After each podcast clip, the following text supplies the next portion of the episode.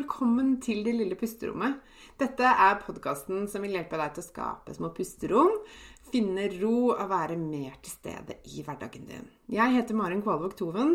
Jeg er barnevernspedagog, familieterapeut og eniagramcoach. Jeg er mamma til to, gift og gründer av Det lille pusterommet. Og jeg har selv kjent på langvarig stress og har vært utbrent. Jeg brenner for å hjelpe deg ut av stress og utbrenthet, og vise deg hvordan du kan finne ro, selv om det er travelt rundt deg. Til daglig så hjelper jeg kvinner ut av utbrenthet og stress gjennom online coaching med min egen utarbeidede pusterommetode og ulike online-kurs. Du vil høre meg reklamere for mine tjenester i denne podkasten. Du vil også i denne podkasten få mine tips, triks og inspirasjon til hvordan du kan skape dine pusterom i hverdagen. Jeg kommer også til å dele egne erfaringer og invitere spennende gjester på besøk. Mer om meg og det jeg kan hjelpe deg med, det kan du lese om på delillepusterommet.no. Det er veldig gøy om du deler at du hører på Det lille pusterommet i sosiale medier, og tagger meg, så jeg kan si hei til deg. Jeg heter Marin Kvalvåg Toven både på Facebook og på Instagram. Her kommer dagens episode.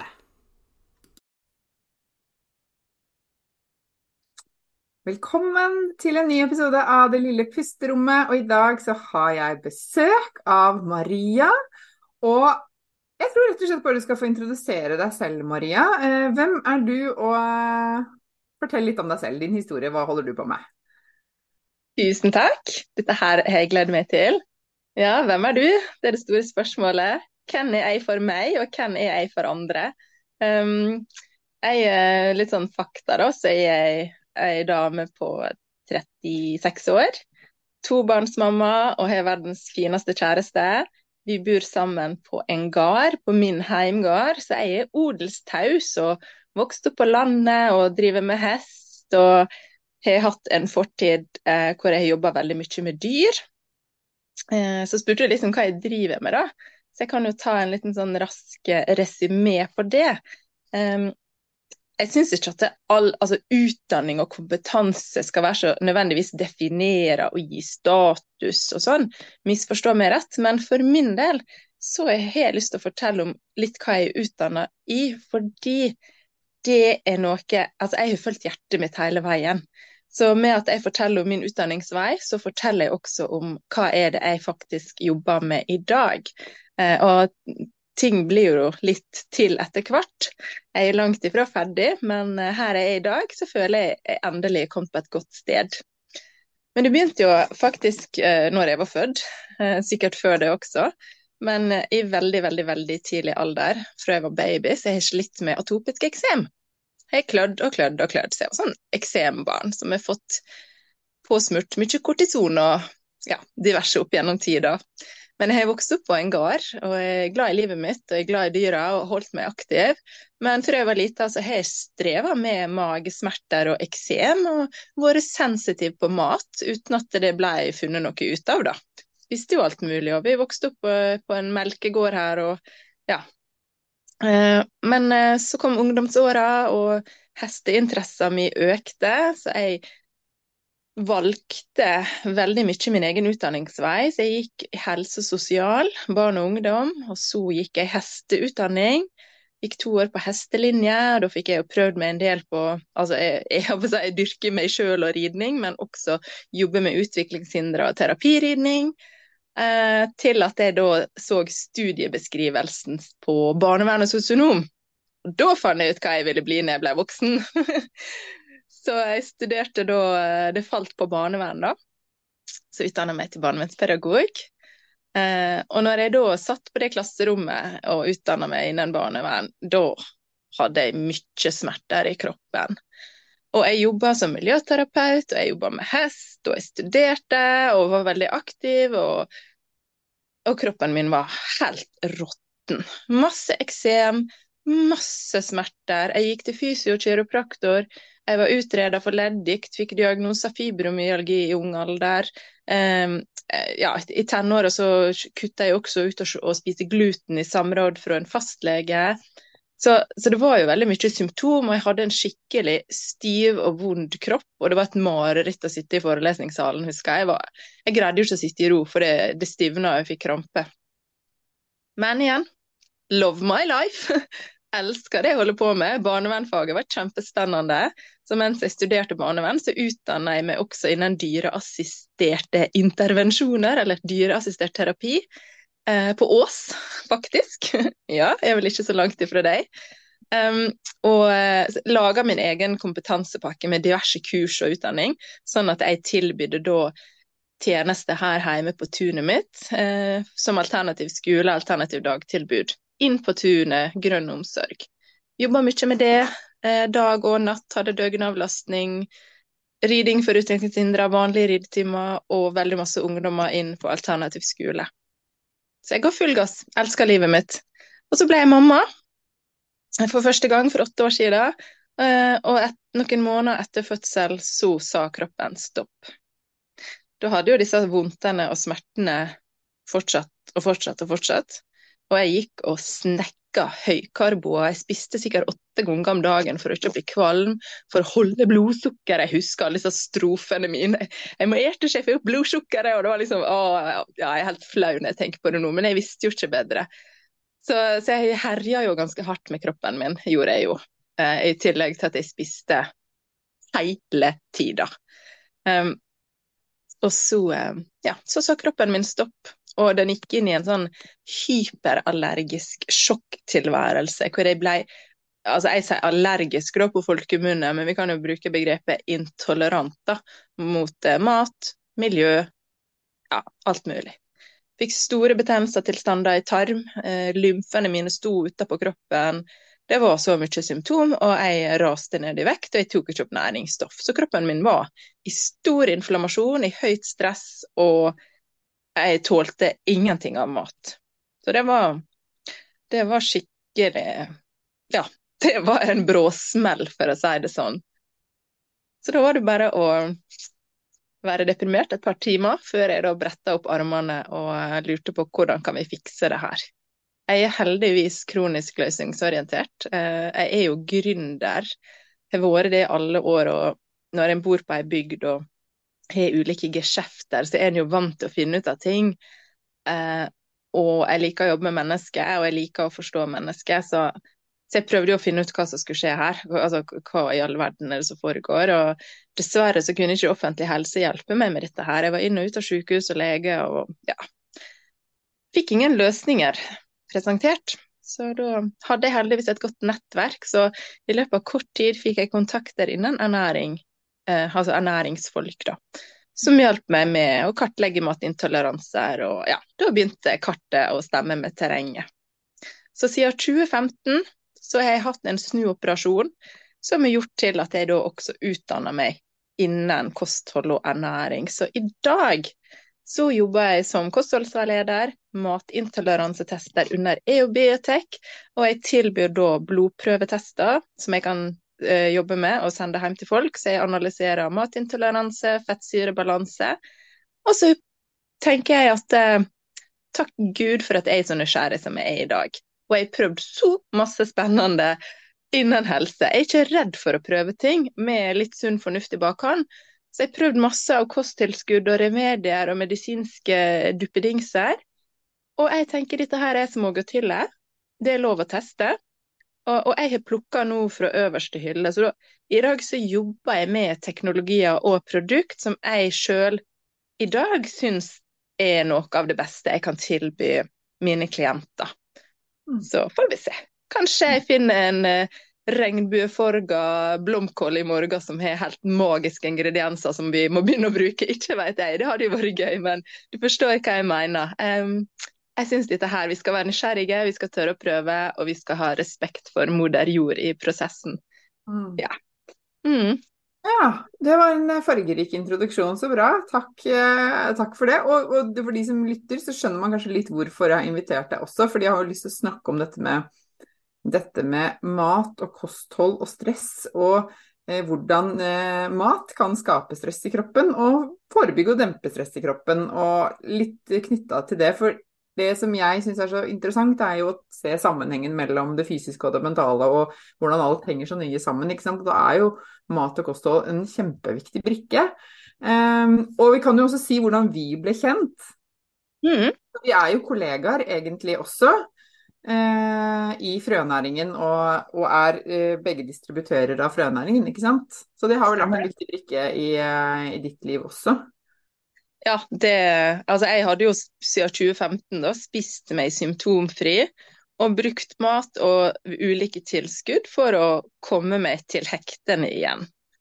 Eh, jeg ble jo relativt symptomfri, men jeg sleit jo fortsatt med ei påfallende hjernetåke. Eh, det var Fatiguen var alvorlig. Jeg, var, var, følte meg jo dement og dum. Eh, og så eh, hadde jeg også fortsatt disse fibrosmertene. Denne intense verken i marg og skjelett. Um, så det var jo fortsatt ting som hang med, og huda mi var også Altså selv om jeg var eksemfri, så var huda mi av eh, dårlig kvalitet. Fryktelig sensitiv. Så de tre tingene der fikk jeg stor hjelp av med frønæringa når jeg starta med det for tre år siden. Og jeg, med en gang jeg skjønte hva det var, så, så var det ikke noe å lure på. For som jeg sa, jeg vokste opp på gard. Jeg dyrka min egen mat. Jeg er veldig opptatt av økologisk mat og grønnsaker og fra jord til bord. Og jeg sår veldig mye frø. Jeg vet jo veldig godt hvor utrolig potente og levedyktige og næringsrike frøa er. Så jeg skjønte at vi, jeg og du jobber med kaldpressa frø, så vi får ut all næringa fra frø. Så da heiv jeg meg rundt og prøvde, og ikke angrer jeg på det. Men jeg skal ikke si heiv meg rundt så fort heller. Jeg var jo av den som satt på gjerdet i månedsvis før, før, jeg skjønte hva dette var. Da, så. så jeg er glad jeg, jeg, prøvde det, for det ga jo effekt på disse utfordringene som jeg nevnte nå. Eh, fatiguen er så å si vekk. Kroppsverken er totalt borte. Og huda mi Jeg har slutta å smøre meg med fuktighetskrem. Det, jeg kan ta meg en dusj uten å krakelere etterpå. Så det er deilig. Mm. Ja, det er veldig gøy, da. Og, men jeg, altså, hvis vi kan gå inn på dette med mm, kosthold og stress. Altså, jeg tenker jo bare historien din du beskriver fra du var liten og fram til du ble bedre, da. Er jo, det høres ut som det var mye stress knytta til altså, både sånn i, i, i tankekjør og hvordan løse dette, men også plagene. Ikke sant? Og, og, hvordan det er å gå med fysiske, kroniske plager over tid, skaper jo unektelig stress både i kropp og sinn, vil jeg tro. Eller hvordan var det? Ja. ja, eh, altså en hektisk livsstil og klart når du er på en gard og du er vant til å se bøndene som jobber 24-7 jul og nyttår og finværsdager og styggværsdager, du får jo denne du får jo en sånn arbeidsmoral i deg. Eh, eh bestemor og bestefar de var flinke å hvile. De hvilte middag, husker jeg. Jeg har aldri hvilt, jeg. har Aldri tatt meg pauser. Og så hørte jeg du sa for en stund siden, om du var her på poden eller en annen plass, altså, vi snakka om dette med å nyte før yte. Eh, jeg yter jo, og så rekker jeg ikke å nyte. Jeg har jo ikke tatt meg pause, jeg har ikke bygd opp energien min. Det er jo ting som jeg ser nå. Så jeg har jo vært sånn flink pike og kjørt meg for hardt, selvfølgelig, og hatt en kropp som har skrikt og ropt og sagt ifra. Så ja, jeg ser jo at stress er jo et stort begrep. Fysisk, psykisk, emosjonelt stress. Eh, oh yes, kjenner den. Men hva, men hva, vil du si sånn, hvis du tenker på et litt sånn ernæringsfaglig perspektiv, da. Eh, hvordan kan kostholdet vårt påvirker stressnivået vårt, både positivt og negativt. Altså, nå har vi jo implisitt at det kan det, for det vet vi jo at det kan. Men kan du si litt om det? Hvordan, hvordan sammenheng ser vi der? Ja, eh, og det jeg kommer til å fortelle nå, det er jo både noe jeg har lest meg til, men jeg har jo smertelig erfart det på egen kropp. Eh, og hvis vi på en måte på en måte forenkler det litt og tenker som du sa, bare ernæring og kosthold, litt sånn mekaniske prosesser i kroppen, så er det jo for det første Jeg sa at jeg spiste åtte ganger om dagen. Jeg gikk og snekka hele tida. Eh, det er stress for kroppen å ta imot mat hele tida. Vi er ikke skapt til å gå og småspise 24-7. Så det er jo én ting. Altså ha en uh, måltidsrytme på kanskje tre måltider om dagen, da, om at man da spiser næringstette, gode måltid. For det er kjempeviktig at kroppen, og spesielt tarmen, får restituere og fornye seg. Uh, så da må vi faktisk slutte å putte ting inn hele tida.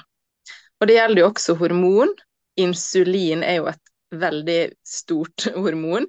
Vi har jo hundrevis av hormon i kroppen. Uh, og hvis og alle skal eh, få fritt spillerom når de trenger det. Veksthormon og kjønnshormon og veldig mange kjente hormoner, spesielt vi som damer. Men hvis dette hormonet som heter insulin, da, må inn og jobbe sju, åtte, ni ganger om dagen fordi vi snekker og får opp dette blodsukkeret vårt, så kommer jo alle andre hormoner bak i køa. For det insulinet må jobbe for høyt blodsukker. Det skal vi ikke ha, det er farlig. Så det er jo stress for kroppen. Både at det tar, men ikke fikk hvile, men at insulinpumpa må bare kjøre, kjøre, kjøre, kjøre. Det er kjempestress. Og så er det jo stress for kroppen hvis ikke cellene får den grunnleggende næringen de trenger for å fornye seg. Vi kommer fra ei celle, vi. Tenk på det. Opphavet vårt er ei eggcelle og så deler den seg. Så vi er en haug med celler og bakterier.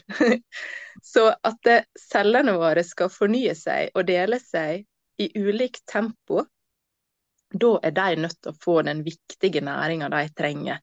Cellene i hodet vårt er jo først prioritert, og så er det jo resten av kropp og organ. Og med det jeg jobber med og lest og ser, så er det jo en del viktige næringsstoff vi bør ha i, i bakhodet. Nå snakker vi et utgangspunkt at vi spiser gjerne råvarebasert mat. At vi unngår all den ultrapro ultraprosesserte lagringsmaten som ikke har så veldig mye mer næringsinnhold i seg, men at vi spiser råvarebasert mat. Men selv om vi spiser råvarebasert mat her i Norge, så er det en del næringsstoff Eh, vi har for lite av. Og det ene det er magnesium. Magnesium blir veldig fort uh, for, brukt opp. Og spesielt når vi har virus eller er i stress, så ryker magnesium. Så å kunne fylle på med magnesium, det er jo viktig. Andre næringsstoff, B-vitaminene våre. Det er jo veldig mange B-vitamin, og jeg har selv erfart å ha mangel på B9. Og da får du kognitiv svikt. da, da, blir du litt sånn Da blir folk rundt litt bekymra på om du begynner å komme i, i Skal på sykehjemmet her, liksom. Jeg glemmer navnet på ting og har problemer med å føre samtaler. Og, nei, jeg skal ikke overdrive og skremme dere, men, men B-vitaminene og B9 eh, er et så vitamin å ha litt sånn Tenk at B-vitaminer må vi ha. Eh, vi må ha omega-3 cellene våre, skallet, altså cellemembranen, skallet på cella vår, det er altså omega-3 sin jobb det er å holde cellemembranen vår mjuk og fleksibel, sånn at næring og oksygen kan komme inn i cellene våre, og avfallsstoff kan bli transportert ut. Så hvis vi ikke har nok omega-3 eller har en fettsyreubalanse, da kan cellemembranen, skallet, være hardt som et eggeskall, mens vi vil jo ha en cellemembran som er litt sånn mjuk, da, som en skumball, sånn at det kan transportere næringsstoff inn og ut. Så har jo ikke vi omega-3 i, i, riktig mengde. Da kan vi jo spise så sunn mat vi bare vil, da, men det vil ikke trenge godt nok inn i alle cellene. Og cellene, som jeg sa, det er de som skal fornye seg, det er de som skal gi oss overskudd og oksygen, altså blod og celler. Så vi er jo veldig sånn biologisk og fysisk bygd opp. Så hvis vi tenker litt sånn mekanisk på disse prosessene her, eh, så, eh, så skal vi ha respekt for det. Jeg hører veldig mange si ja, ja, vi får i oss nok via maten, og kroppen har en unik evne til å ta opp alle næringsstoff. Ja, altså kroppen vår gjør virkelig så godt den kan. Jeg skal love det den gjør. Det har i hvert fall min gjort når den durer på så lenge som den gjorde, før den krasja. Men det er jo noen næringsstoff som vi kanskje bør ta tilskudd av for å bare tenke at det, vi hjelper kroppen vår litt, da. Bare for å optimalisere grunnmuren, eh, sånn at vi faktisk tåler litt mer. Mm. Og så er det jo her i Norge, da, med sol og sjømat, så er jo D-vitamin også. et veldig viktig. Det er snakk om at D-vitamin er både et vitamin, men kanskje vi også kan holde, kalle det et hormon. Um, så, så, sånne ting som det der, mangel på de næringsstoffene, og da et kosthold som består av kanskje veldig mange små måltid, og kanskje en del Hva skal jeg si da? Kornprodukt, ultraprosesserte produkt som gjør at det blodsukkeret svinger. Da da gir det høyt stress for kroppen. Så det er viktig å kunne lande litt i dette der. Ja, ikke sant. Så både mangler på viktige næringsstoffer, men også kvaliteten på maten vi spiser, spiller jo inn i forhold til eh, stressnivået, da. Ikke sant? Kan vi si det sånn? Mm. Vi, er jo, eh, vi kommer jo fra naturen, og når vi spiser natur, altså mat som er fra naturen, så vil jo kroppen vår kjenne igjen disse bestanddelene. All mat vi spiser, eh, altså fett, protein, karbohydrat, ikke sant, og proteiner skal brytes ned til aminosyre. Og så skal kroppen gjenkjenne dette her og trekke det ut i blodet og bruke det som drivstoff og energi. Så da må vi jo gi kroppen vår matemner som kroppen vår gjenkjenner. Jeg kan ta ett eksempel. Jeg skal ikke bli nerdete og dykke for dypt, men jeg kan gi ett eksempel. Eh, altså, Kildesjekk meg gjerne hvis jeg, hvis jeg tar feil her, men jeg mener å ha lært at det første enzymet som babyer utvikler, er et enzym som heter lipase. Og det er enzymet som skal emulgere fett. Jeg liker babyer skal ha mye fett, og morsmelka vår er jo veldig fettrik. Mm. Eh, og så kan man jo dra paralleller til hvorfor begynner skummamelka å stå på bordet i barnehagen når ungene er ett år. Eh, jeg skal ikke gå dit i dag, men jeg, ja, dere skjønner hva jeg mener om det. Mm. Så eh, jeg tenker jeg er opplært til å forstå biologien, eh, og jeg ser på mekanismen i kroppen. Hva er fordøyelsesenzym har vi i oss? Altså hva er vi designa for å ta imot? Og så mm. gi heller kroppen det den er skapt for å ta imot, sånn at den kan gjøre det med letthet. Mm. Ja, ikke sant. Og så tenker jeg jo, altså for min egen del, og jeg vet mange med meg kan kjenne seg igjen i denne, spiser jeg mat av dårlig kvalitet, såkalt junk, eller ultraprosessert mat, mm. så merker jeg det går, det går utover alle prosessene i kroppen. Altså jeg blir slapp, jeg blir sliten, jeg kan bli sur, jeg kan bli deppa Altså jeg, kan sånn, jeg kan få mørke tanker av, av feil mat, da, for å si det på den måten. Det, jo, det, det, skaper jo Nå har jeg også en ganske sånn sensitiv kropp som sender ut ganske klare signaler om hva den vil ha og ikke ha. Men det der å være litt obs på hvordan, hvordan, ulike former for eh, matvarer da, påvirker energien og stressnivået i kroppen, så eh, kan man jo kjenne det på egen kropp også, veldig mange, ikke sant. Altså å bli litt kjent med det, da. Altså å sjekke det ut. Det er jo noen som sier sånn nei, det spiller ingen rolle, merker ikke noe forskjell, liksom. Men, men det, er jo, det, er jo, en grunn til at mange av oss får en sånn kraftig reaksjon etter å ha spist mat av dårlig kvalitet, da, om du kan si det sånn, som en sekkebetegnelse. Mm. ja. Det er du helt rett i. Eh, jeg var på hold deg fast, var det Burger King et eller annet? Ja, Burger King var det vel forrige uke med sønnen min. Eh, fordi vi kjører forbi det hele tida. Og han har vært på Burger King én gang i hele sitt liv, og han er åtte år. Tenker jeg, nei, det er for dårlig. han må få lov å få seg en tur til dit.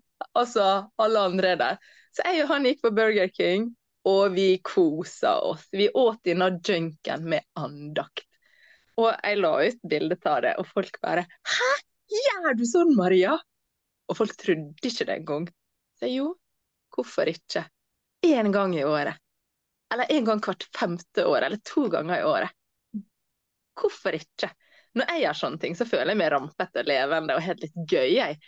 Men det er jo fordi at jeg spiser rene råvarer hele tida, altså da tåler jeg å gjøre dette der. Men jeg kjente jo på det utover kvelden. Eh, hjernetåka. Jeg kjente den der skodda i panna, og jeg blei litt sånn Ikke sur, men litt sånn Jeg var ikke sånn lett i følelsene. Jeg ble litt sånn dempa på en måte. Jeg ble litt sånn åh. Mm. Ja, jeg ble litt sånn tung. Eh, og så kjente jeg også pulsen min, da. Eh, jeg fikk økt eh, hvilepuls. Mm. Apropos stress og hvile, liksom. Ja, det er jo en ganske mm. klar eh, indikator, da. Ja. Det er veldig interessant. Men jeg er jo kjempesensitiv på godt og vondt. Jeg syns nå nesten det er litt urettferdig at jeg ikke kan skeie ut uten konsekvenser, men ja ja, sånn er det. I feel you på den, for å si det sånn. Mm. Så, eh, så hvor tenker du liksom Altså, ja, kan vi, vi snakke litt apropos det du tok med sønnen din på Burger King. Altså mat og barn, og matkvalitet og stress og intoleranser. Og her er det mye spennende vi kan snakke om, da. Eh, og dette med liksom hvordan barna som vokser opp i dag, er, jo lever med et ganske annet kosthold enn bare hva vi gjorde da vi var små. ikke sant? Dette har jo endra seg mye også. Hva ser du i jobben din som matintoleransetester i forhold til uh, hva dette gjør med barna? Mm. Uff, nå skal jeg virkelig prøve å puste med magen og snakke rolig. Men uh, jeg bare tenker på det, så har jeg lyst til å skrike. For det er Barnevernhjertet mitt blør. Uh, rett og slett. Jeg har jo da siden 07-06 jobba veldig mye med barn med atferdsutfordringer uh, i ulik varierende grad. Barn og familier. Uh, og da gikk vi jo bare inn i forhold til det med atferd og aktivitet og pedagogikk og prøve å snakke med disse ungene, da. Men når de kommer, da, og det, og det oppdaga jeg veldig fort. Jeg hadde jo heldigvis veldig mange her på døgnavlastning over flere døgn, og av og til ei uke, og av og til i lengre perioder i feriene. Så når jeg jobba som barneverner her hjemme, så uh, dyrka vi jo vår egen mat. Og vi fiska og vi slakta og Altså, de fikk jo bare vanlig husmannskost, da. Det endte jo med at jeg fikk plukka vekk både medisiner og diagnoser. Og det var ingen som tok sovetabletter, og alle la seg klokka ti. i en alder av 14 år. Sånn, så jeg, opp, jeg, opplevde jo det med kostholdet her hjemme, men når jeg ser i dag alle ungene som kommer inn med store Jeg tar jo disse blodprøvene på fettsyre og matintoleranse, så der får vi på en måte se det svart på hvitt. At her er det store ubalanse. Det er lekk tarm, eh, som sikkert er et kjent begrep for mange. Og grunnen til det Alt er sammensatt, men skal vi se litt enkelt på det, så det begynner med det du putter i munnen. Og det er jo disse her Altså illusjonen om at mat skal være så raskt og enkelt. Mm. Og alle disse her hurtigvariantene, lagringsprodukter, ba, altså babymaten som blir laga i dag. Nå er det jo heldigvis en del eh, gründere som begynner å tilby gode barnematprodukt. Og vi har jo flinke, altså bare bra barnemat, ernæringsmamma. Her er veldig mange som gjør et løft på privat basis, men dessverre jo fortsatt fra det offentlige og helsestasjoner og skoler, SFO, institusjoner. Her trengs et enormt kompetanseløft for å kunne tilby ungene våre skikkelig mat. Mm. Jeg kan jo ta eksempel fra barnehage. da. Går ungen din fulltid i barnehage, så kan det hende at over 60% av matinntaket er i barnehage. Mm. Og så spiser de kanskje frokost frokost, lunsj og et såkalt fruktmåltid. Og det er brød, brød, brød og et halvt eple. Med et tynt lag med kavli smørost. Nei, jeg veit ikke. Satt på spissen. Men, eh, men jeg tenker ungene må jo få næringstett mat. Fordi de trenger masse protein og fett for at hjernen skal utvikle seg fett av god kvalitet.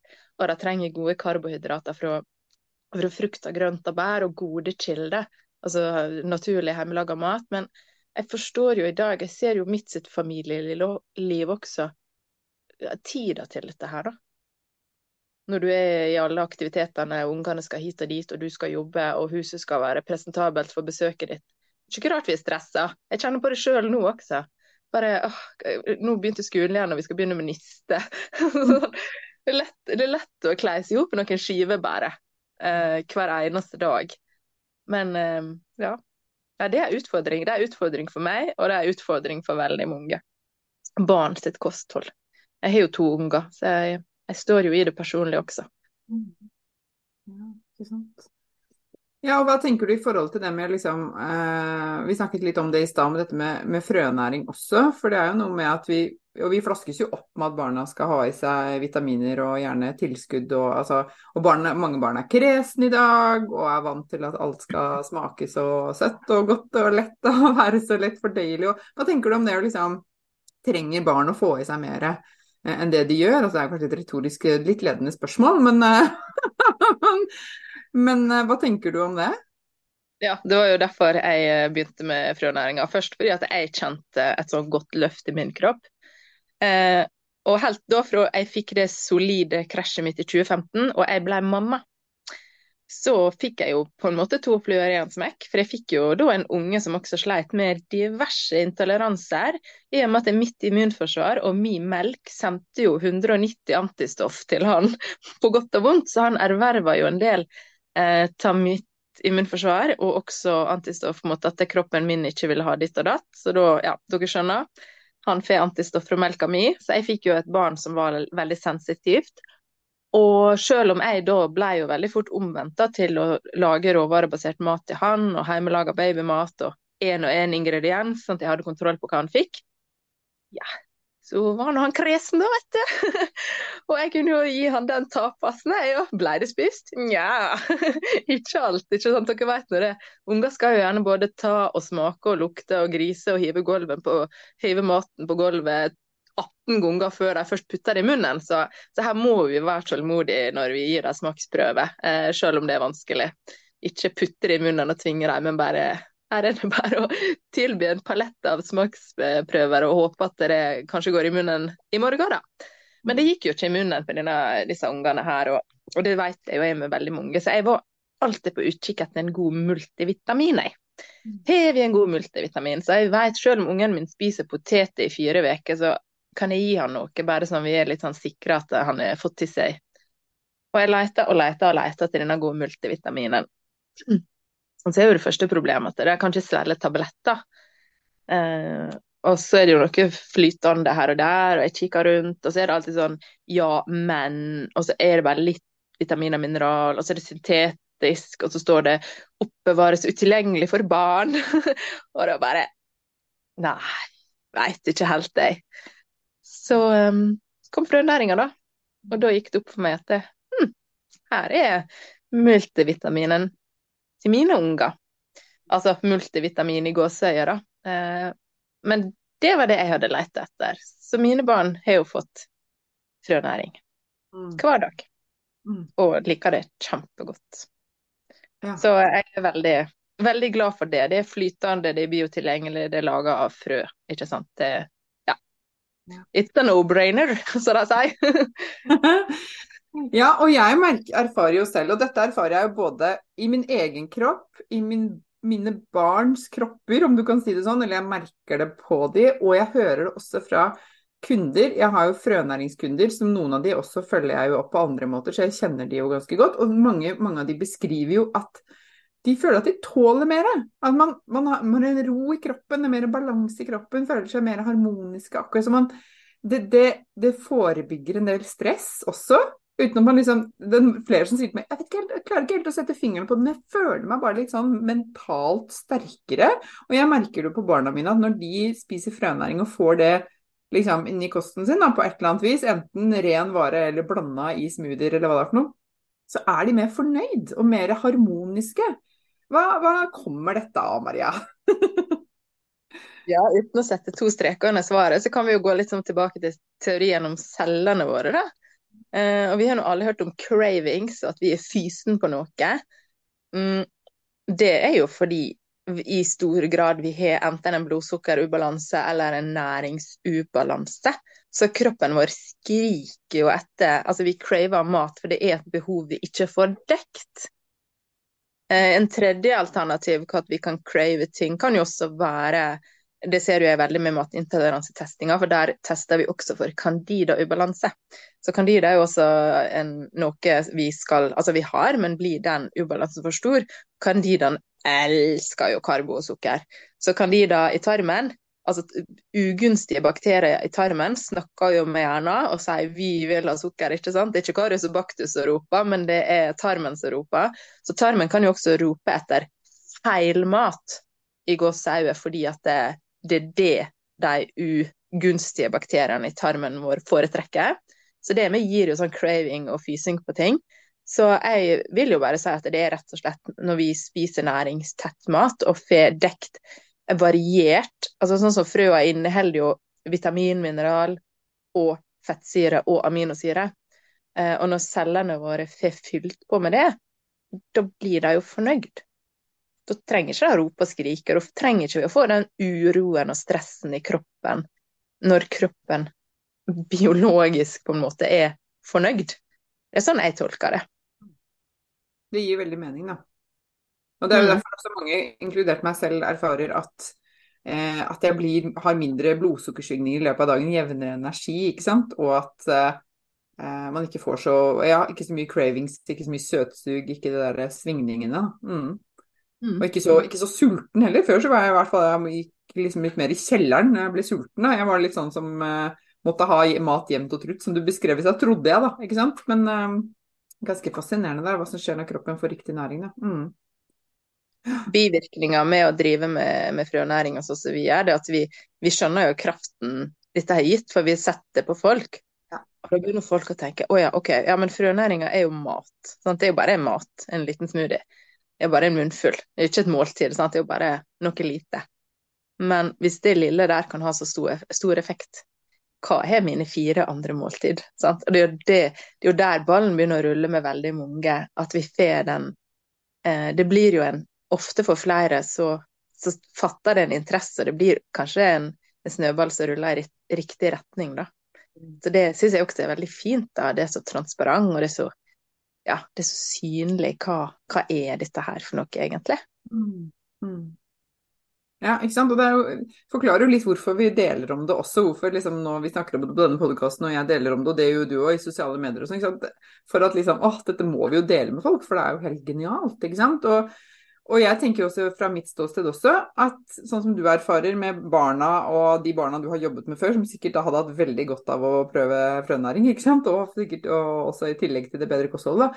Men med det å faktisk eh, se hvor nøye kroppen vår henger sammen, da. Ikke sant? Det fysiske og det mentale og emosjonelle, alt henger i hop. Det er jo derfor dette gir så mening å snakke om på en podkast som egentlig handler mye om stress og hvordan redusere og forebygge stress. Da. Men jeg håper jo at noe av det du har delt, og tror at noe av det du har delt nå, det får noen brikker på, til å falle på plass, kanskje, for noen som, som, fortsatt ikke helt vet hvor veien videre skal gå. Da. Mm.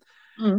Så, så, hva tenker du hvis noen sitter her og tenker oi, jeg, jeg, kjenner meg igjen i alt dette her, og hva eh, Hvor skal jeg begynne, liksom? Hvis det virker litt overveldende da, å skulle ta tak i kostholdet sitt, hvor ville du ha starta? Jeg vil alltid begynne med å legge til gode ting før en tar vekk.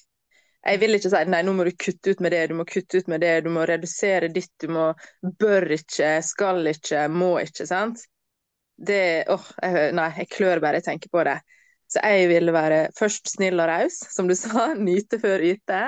Altså først tenke hva er det jeg kan gi kroppen min av ressurser. Og da snakker jeg jo det om altså de rent fysiologiske tingene som cellene våre, som kroppen vår trenger, altså grunnmuren vår, med disse næringsstoffene som de fleste har en sterk ubalanse og mangel på. Da kan du ha fokus på det. Bare tilføre kroppen næringsstoff. Og tenke litt på at kroppen din faktisk får tid til å hvile og fordøye den maten. At du nyter den, da. Og om du gjør sånn som meg, da går på Burger King en gang i året, gjør det med andakt. altså, om du så ikke gjør perfekt jobb sju dager i veka, slapp av. Nyt det også, da. Altså, vi skal nå leve livet, og vi skal være sosiale, og ja, det er en balansegang med alt her. Um, men begynn med å tilføre ting, sånn at man kan bygge opp et overskudd. Uh, ha selvfølgelig fokus på tarmhelse, det kommer vi utenom. Og er man i tvil på sensitiviteter og status, så finnes det veldig mange gode kartleggingsverktøy. Så man kan ta en enkel blodprøve, se hvor landet ligger, for å da jobbe litt mer effektivt og konkret. Mm. Gode tips, veldig bra. Og altså når du sa det der med å legge til, så, er i hvert fall min personlige erfaring, og jeg vet jeg ikke er alene om det, at når kroppen får det den trenger, så blir det tydeligere hvilke valg man skal ta ellers. Så blir det lettere å ta gode valg, syns jeg. Da, for akkurat som kroppen blir tydeligere på hva den vil ha og ikke ha. Gir det mening? Mm. Ja. Og så er nå jeg litt sånn sunnmøring. Uh, altså, hvis du tenker økonomisk også, ikke gjør alt på en gang, da. Ikke tilfør Altså selvfølgelig, Du kan tilføre både omega-3 og magnesium. Jeg sier ikke at det er bortkasta penger, men, eh, men, i den jungelen av alt som finnes, da, ta ting gradvis, sånn at du kjenner hva er det som gir utslag, og hva er det som var riktig for deg å begynne med først. Ikke gjør fem ting på en gang, for da vet ikke du hva som funker. Og da vet ikke du hva du kan på en måte plukke vekk eller endre på. Så ta det gradvis. Eh, det er mye mer motiverende det å ta det gradvis og lytte til kroppen underveis. Veldig bra, takk for gode tips. Eh, det tror jeg var nyttig for, eh, for, mange å høre. Eh, hvis noen har lyst til å ta kontakt med deg, er nysgjerrig på hvordan du kan hjelpe de videre, matintoleransetester eller hva det nå er for noe, hvor, hvor kontakter man deg da, Maria? Ja, jeg er jo så heldig at jeg bor på verdens vakreste plass, som heter Bjørke i Volda kommune. På en, en bitte lita bygd med under 100 innbyggere. Så her sykler ikke du forbi sånn helt tilfeldig. Eh, så jeg jobber jo digitalt, og jeg har gjort det så enkelt som det at jeg har min Facebook, som er meg som person, og mitt navn, og det har dere jo her. Det er Maria Nikkenen Rørstad. Så jeg setter jo pris på om folk sender melding på Messenger, eller jeg, på en vanlig mobilnummer. Og så har jeg en Instagram-konto som heter Maria Nikkinen i ett ord. Så jeg bruker Instagram og Facebook, og der deler jeg litt fra livet mitt her på tunet, og litt innen helse og matintoleransetesting. For det er det som er min drøm, og det er det jeg jobber for. Det er at jeg kan hjelpe andre, samtidig som jeg hjelper meg sjøl, og leve her i, i, takt med naturen. Og da må jeg bare lære meg å sette pris på de teknologiske hjelpemidlene.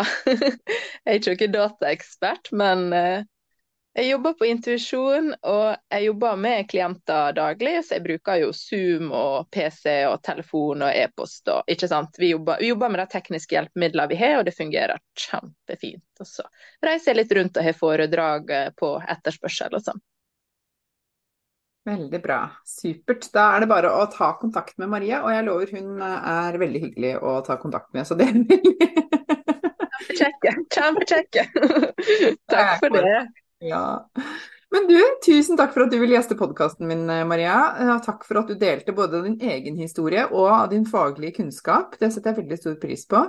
Eh, og ta kontakt med Maria hvis du lurer på noe. Og så, til dere som lytter, så snakkes vi her igjen om ikke så altfor lenge. Ta godt vare på deg selv så lenge. Ha det bra!